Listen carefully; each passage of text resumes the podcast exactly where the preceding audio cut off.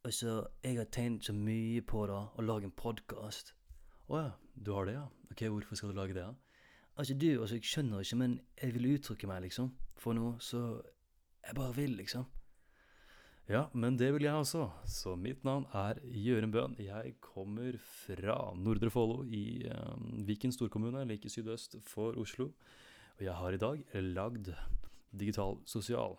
Jeg må bare beklage for den rimelig kleine introduksjonen der, men jeg følte for å lage et eller annet som var typisk meg.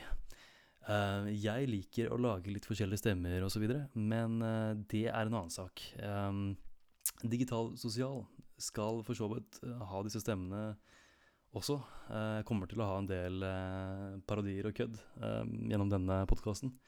Men jeg kommer også til å snakke om seriøse temaer som omhandler digital kultur og sosiale medier.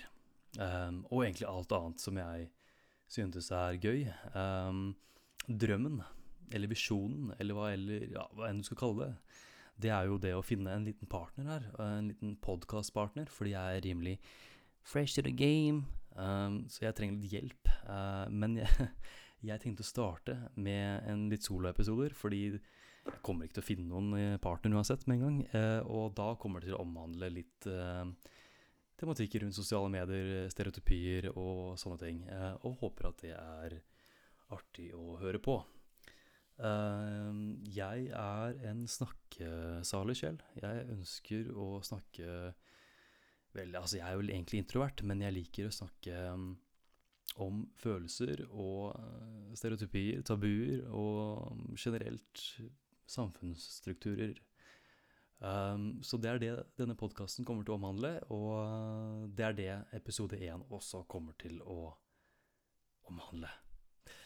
Uh, og det har vel allerede sagt allerede, så jeg kan vel si meg ferdig nå, kan jeg ikke det? Bare liksom Jeg er helt fresh to the game, så gi meg en pause, liksom. Men vi ses uh, om ikke så lenge, fordi jeg kommer til å lage episoder i, uh, i en fleng, rett og slett. Så på gjensyn. episode to kommer til å være spicy, og jeg håper du er der. Adios.